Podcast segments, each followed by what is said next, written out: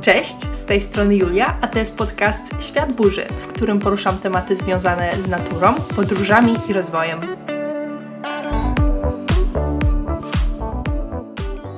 Ten podcast jest o rozwoju i o podróżach, i mogłoby się wydawać, że to są dwie zupełnie różne dziedziny i dlaczego ja je w ogóle tu łączę i miksuję w jednym podcaście.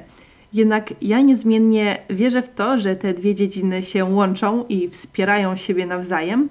I dzięki temu, że rozwijam się jako człowiek, pracuję nad swoimi nawykami, staram się pracować nad moimi umiejętnościami społecznymi, dzięki temu te moje podróże są pełniejsze i dzięki temu będę mogła więcej podróżować. A z kolei same podróże też bardzo dużo wnoszą doświadczenia i pomagają mi się rozwijać jako człowiek. Jakiś czas temu nagrałam odcinek o tym, jak zdobyć przyjaciół i zjednać, zjednywać sobie ludzi na podstawie książki Dale'a Carnegie. I uważam, że w ogóle była to dla mnie jedna z takich bardziej przełomowych książek. I po przeczytaniu jej widzę, że rzeczywiście jestem lepsza w te umiejętności społeczne. I uważam, że to właśnie dzięki tej książce, kiedy gdzieś jadę, kiedy pojechałam do Norwegii czy do Słowenii, to później ci ludzie, których spotkałam gdzieś w międzyczasie, lepiej mnie odbierali, bardziej można powiedzieć pozytywnie i chętniej mi pomagali i wyrażali większą chęć do tego, żeby kontynuować znajomość ze mną. Co jest dla mnie naprawdę niesamowite. I w tym odcinku numer 15, gdzie mówiłam o tym, jak właśnie zdobyć tych przyjaciół, zjednywać sobie ludzi, to powiedziałam, że jest jeszcze jedna taka rzecz, o której nagram oddzielny odcinek, i to jest właśnie krytyka. Dale Carnegie radzi w swojej książce, żeby w ogóle wystrzegać się krytyki jak ognia, dlatego że ona nie działa i przez krytykę bardzo łatwo jest zniechęcić do siebie ludzi. Jednak są takie momenty, i jestem pewna, że też mieliście takie sytuacje, kiedy trzeba po prostu komuś powiedzieć, że zrobił coś źle. I osobiście uważam, że krytyka jest sztuką. Żeby dać konstruktywną krytykę komuś, żeby ten ktoś się do nas nie zraził, a wręcz dalej nas e, w tym momencie lubił i, i rzeczywiście zmienił swoje zachowanie, no to jest sztuka.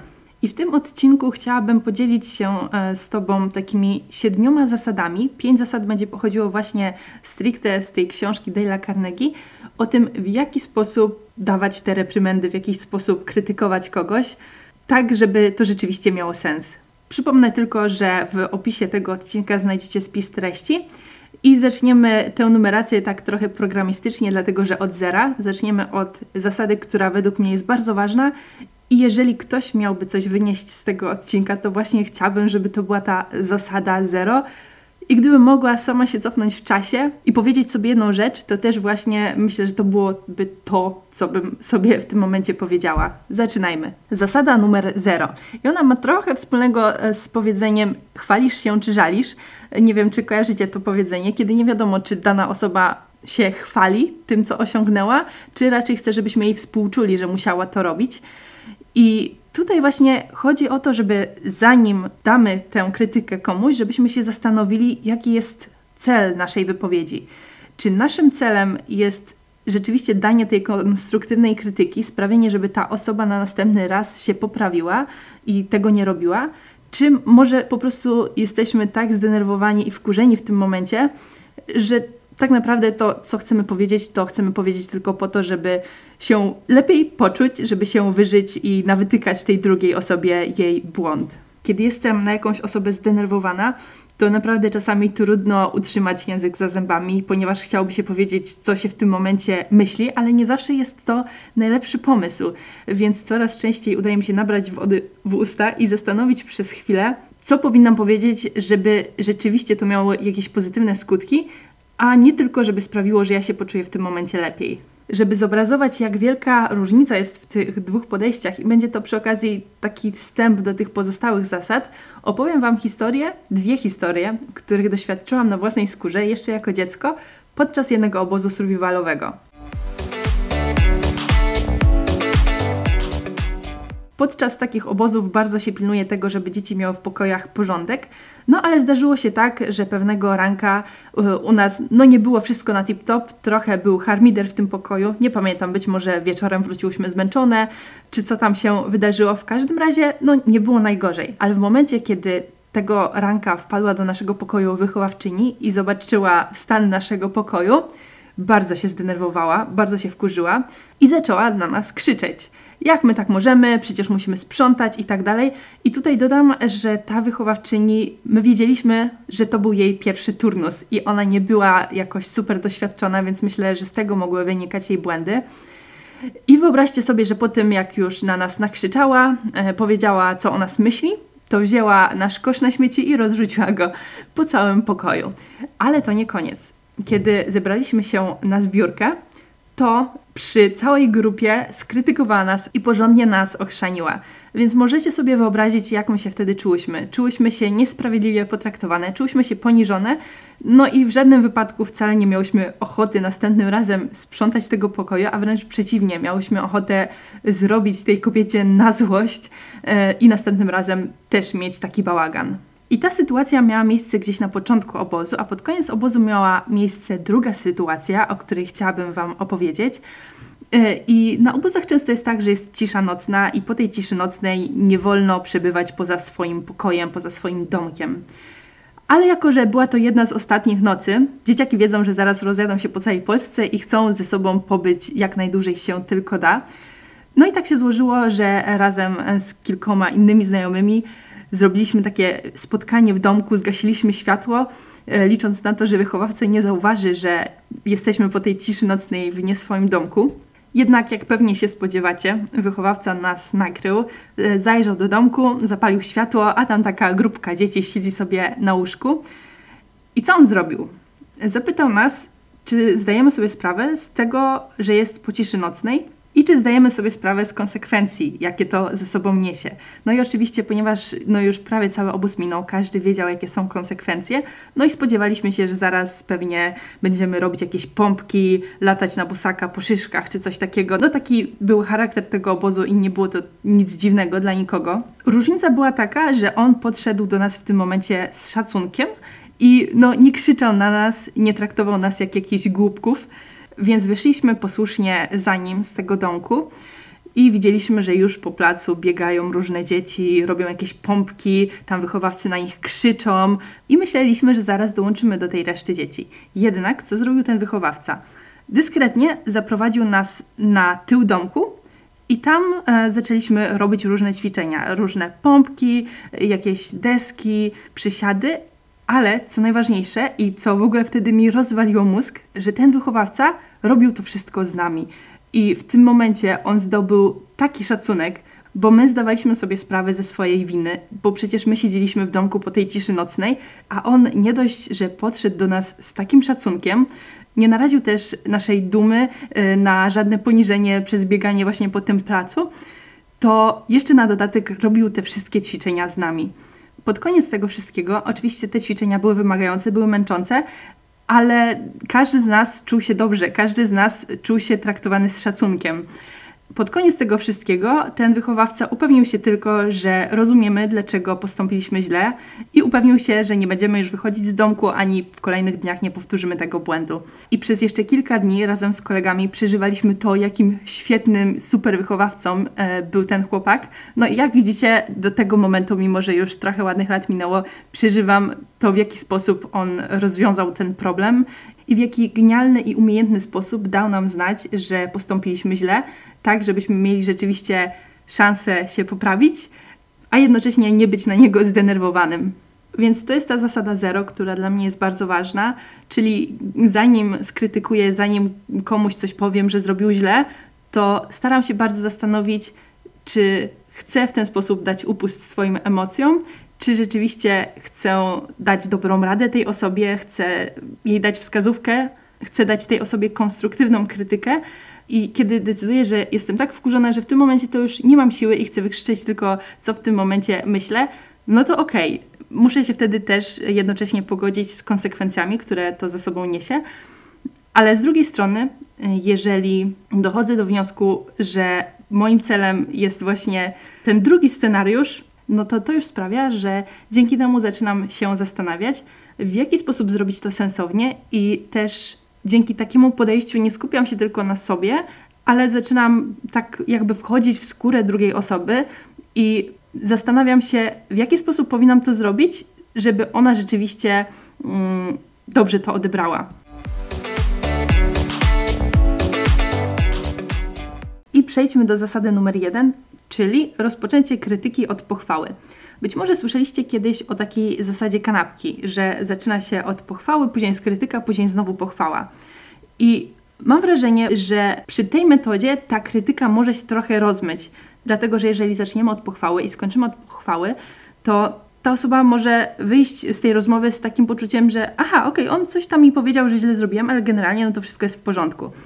Więc nie jestem tak do końca pewna, czy zasada tej kanapki działa, ale ze swojego doświadczenia mogę powiedzieć, że rozpoczęcie od pochwały, a skończenie na krytyce jest genialne. Wyobraźmy sobie, że mamy dwie współlokatorki, Anię i Sylwię, i one się jakoś tam podzieliły sprzątaniem i przyszedł czas na sprzątanie Ani.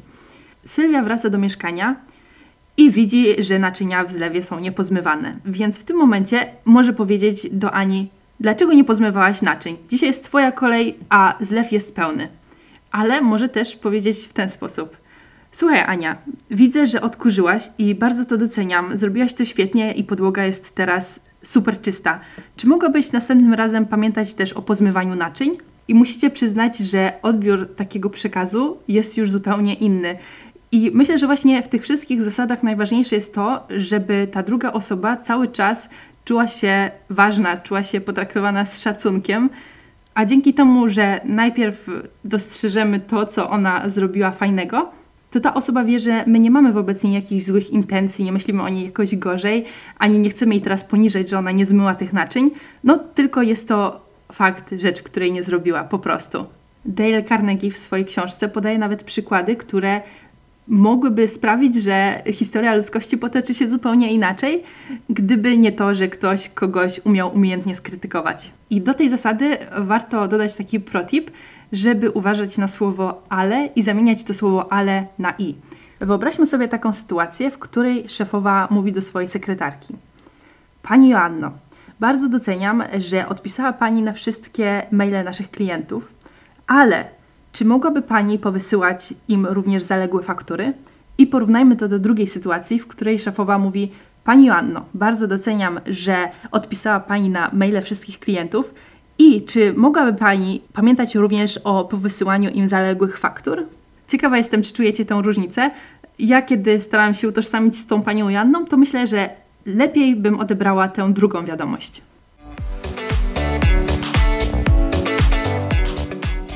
Zasada numer dwa. Rozpoczęcie krytyki od opowiedzenia najpierw o swoich błędach. Niektórzy z Was wiedzą, że pracowałam jako wychowawca podczas też właśnie takich obozów survivalowych i bycie wychowawcą to nie jest proste zadanie, to nie jest prosta praca i podczas tych obozów sama uczę się naprawdę bardzo wielu umiejętności społecznych, ponieważ tam tych kontaktów z ludźmi i z dziećmi, które też są jednak bardzo wymagające, jest naprawdę ogrom. I z tego powodu, jeżeli ktoś jedzie na taki obóz po raz pierwszy, no to jest większa szansa, że będzie popełniał dużo błędów. I wyobraźmy sobie jakiegoś wychowawcę, powiedzmy Tomka, który jedzie na taki obóz i jest pełen entuzjazmu, naprawdę chce zapewnić tym dzieciom wspaniały czas, jednak popełnia różne takie organizacyjne błędy, przez które inni wychowawcy mają więcej roboty, bo na przykład zostawi jakieś garnki gdzieś tam albo zapomni kluczy i ktoś musi lecieć po te klucze.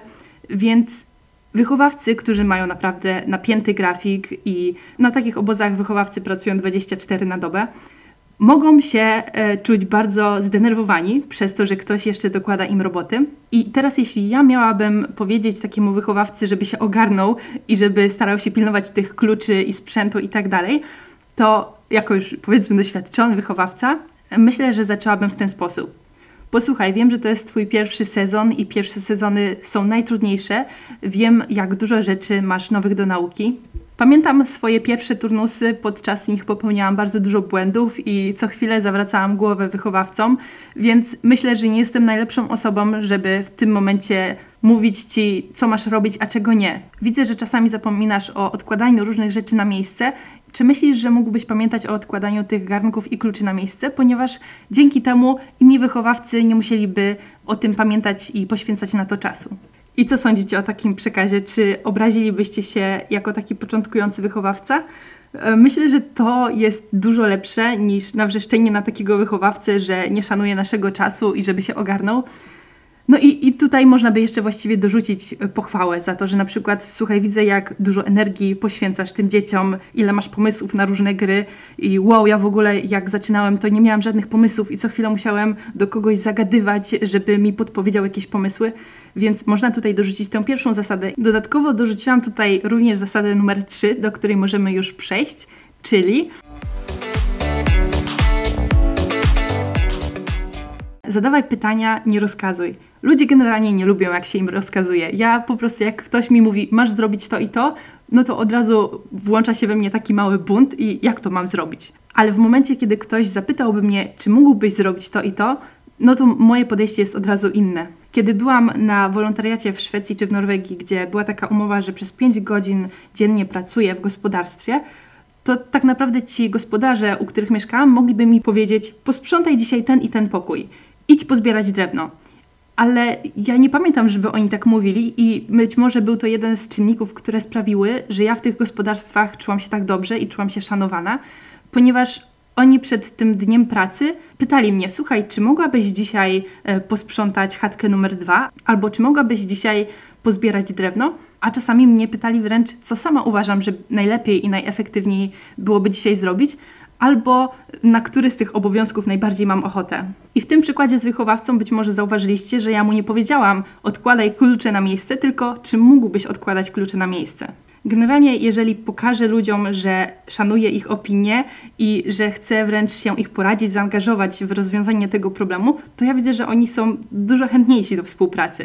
W książce Dale'a Carnegie był przykład, gdzie pewien szef zastanowił się nad tym, czy podjąć się pewnego nowego, dużego projektu, ale wiedział, że jeżeli się go podejmie, to przez to jego pracownicy będą musieli pracować więcej i intensywniej. Nie chciał im tego narzucać, więc co zrobił? Zorganizował spotkanie z tymi pracownikami, przedstawił im ofertę, jaką otrzymał. Powiedział, że waha się nad tym, czy ją wziąć, czy nie, dlatego że to wymagałoby większego nakładu pracy, być może jakichś nowych rozwiązań. I zapytał, co ci pracownicy o tym sądzą. I jaką odpowiedź otrzymał w zamian. Nie było tak, że pracownicy powiedzieli: Nie, no co, ty chcesz, żebyśmy pracowali więcej, chyba cię porybało. Tylko ci pracownicy zaczęli się zastanawiać nad różnymi rozwiązaniami, co mogą zrobić, żeby rzeczywiście podjąć to wyzwanie i przez to, że właśnie czuli się ważni i wzięci pod uwagę, to na koniec ten szef wyszedł z tego spotkania ze świadomością, że może podjąć się tego nowego projektu i że będzie miał pomoc swoich współpracowników. Już parę ładnych lat temu pracowałam przez chwilę w Decathlonie i uważam, że tam podejście do takiego szarego pracownika na najniższym szczeblu jest genialne i tam bardzo często podkreślali, że jeżeli my mamy jakieś pomysły, to oni bardzo chętnie o nich usłyszą. I dzięki temu czułam, że ja mam wpływ na to, co robię i wręcz czułam się częścią tego dekatlonu. I, dzięki temu też cieszyłam się z różnych sukcesów, które ten e, dekatlon nasz na Okęciu osiągał. No i oczywiście z dużą większą chęcią tam pracowałam i czułam większą sprawczość i że to, co robię, ma sens. Zasada numer cztery, i o tym już trochę było, czyli pozwól ludziom zachować twarz. I myślę, że jedną z najgorszych rzeczy jest krytykowanie przy innych osobach. I w ogóle to, co czasami dzieje się w szkole, to to jest straszne, kiedy nauczyciel krytykuje jedno dziecko przy innych dzieciach. Czasami widzę związki, gdzie dziewczyna krytykuje chłopaka albo na odwrót przy całej grupie znajomych.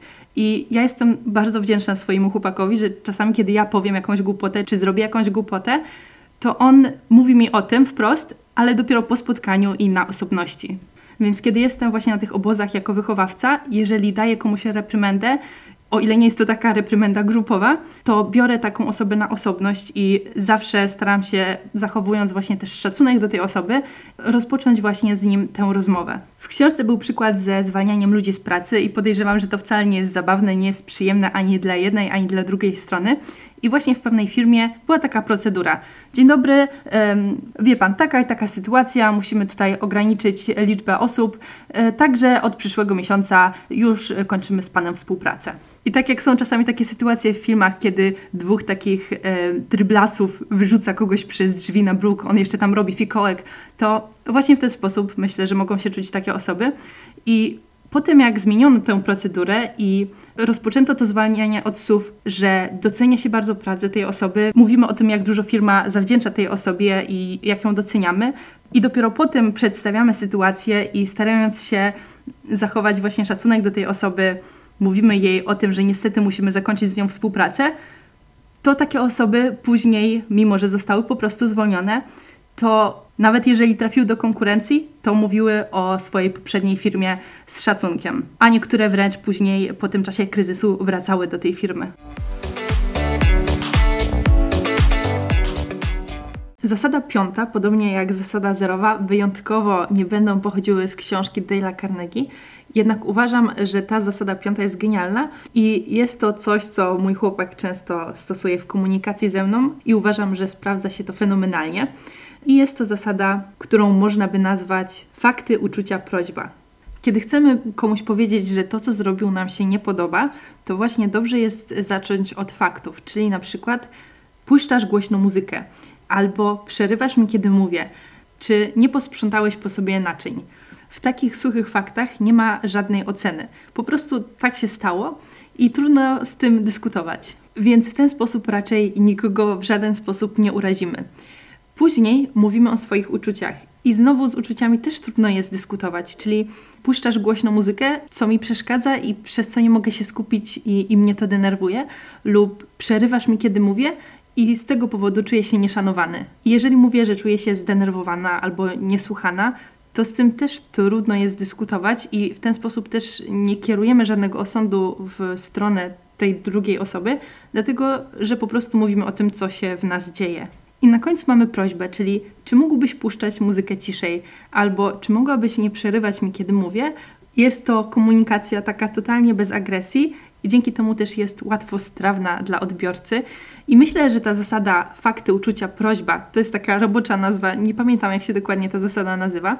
W każdym razie, że ta zasada może być bardzo przydatna, zwłaszcza w momencie, kiedy jesteśmy w jakichś dużych emocjach, a musimy coś powiedzieć natychmiast, dlatego że nie trzeba się jakoś specjalnie zastanawiać nad tym, w jaki sposób to powiedzieć, tylko ma się gotowy schemat i mówimy ciach, ciach, ciach i już e, zakomunikowaliśmy, że to, co robi ta druga osoba, nam się nie podoba. I wyrażamy prośbę, czy mogłaby zmienić to zachowanie.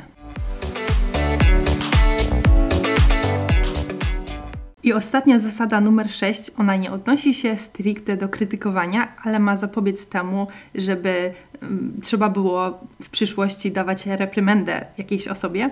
I jest to chwalenie za każdą, nawet najdrobniejszą rzecz jeżeli kogoś chwalimy, albo ja widzę, że jeżeli ktoś mnie pochwali, to ja następnym razem mam ochotę powtórzyć to swoje zachowanie. Często, kiedy tresuje się psy, to jeżeli pies y, zrobi jakąś sztuczkę dobrze, to wtedy nagradza się go, robi się wokół tego wielkie halo, chwali się. I Dale Carnegie zastanawia się też w swojej książce, dlaczego podobnie nie podchodzimy do ludzi. Dlatego, że wiem, że nie jesteśmy psami, ale generalnie ten schemat u nas działa podobnie. Ja ze swojego doświadczenia mogę porównać e, obozy, gdzie jeździłam jako wychowawca jeszcze przed przeczytaniem tej książki i po przeczytaniu. I po przeczytaniu tej książki, jeżeli tylko miałam taką okazję, to chwaliłam dzieciaki za to, co dobrze zrobiły, i na własne oczy mogłam zobaczyć, jak ta pochwała działa i jak ta różnica jest duża, i że rzeczywiście na tych obozach, gdzie te dzieciaki chwaliłam, one dużo chętniej powtarzały te schematy, które zostały właśnie nagrodzone tą pochwałą. I z tego powodu, kiedy robiliśmy na przykład pierwsze ognisko i dzieciaki zaczynały zbierać drewno na opał, no omówmy się, to może nie jest jakieś super ekscytujące zajęcie zbieranie tego drewna na opał, ale gdy tylko widziałam, że dzieciaki niosą te swoje pierwsze gałązki i nawet jeżeli ich nie było jakoś super dużo, to nie szczędziłam im pochwał za to, że zbierają to drewno i mówiłam, że dzięki nim e, będziemy mieli super ognisko za chwilę i tak dalej. I dzięki temu widziałam, że te dzieciaki dużo chętniej zbierały to drewno i przy kolejnym ognisku nie musiałam się denerwować, że zaraz będzie ciemno, a my nie mamy drewna, y, żeby to ognisko zorganizować. A ponieważ to ognisko robimy właściwie podczas każdego obozu i wiem, jak zazwyczaj wygląda to zbieranie drewna, no to myślę, że jest to całkiem miarodajne. To znaczy tutaj, żeby być szczerą, muszę jeszcze dodać, że wymyśliłam sobie taki sposób, że jak idziemy do lasu, to śpiewamy piosenkę idę właśnie zbierać drewno, dużo zbiorę go na pewno i tak w kółko i w kółko i w kółko, więc mm, no to też może mieć jakiś wpływ, że kiedy dzieciaki zbierają to drewno, to mają w głowie cały czas, że zbiorą dużo drewna na pewno, ponieważ ta piosenka później zostaje w głowie i trudno się od niej uwolnić.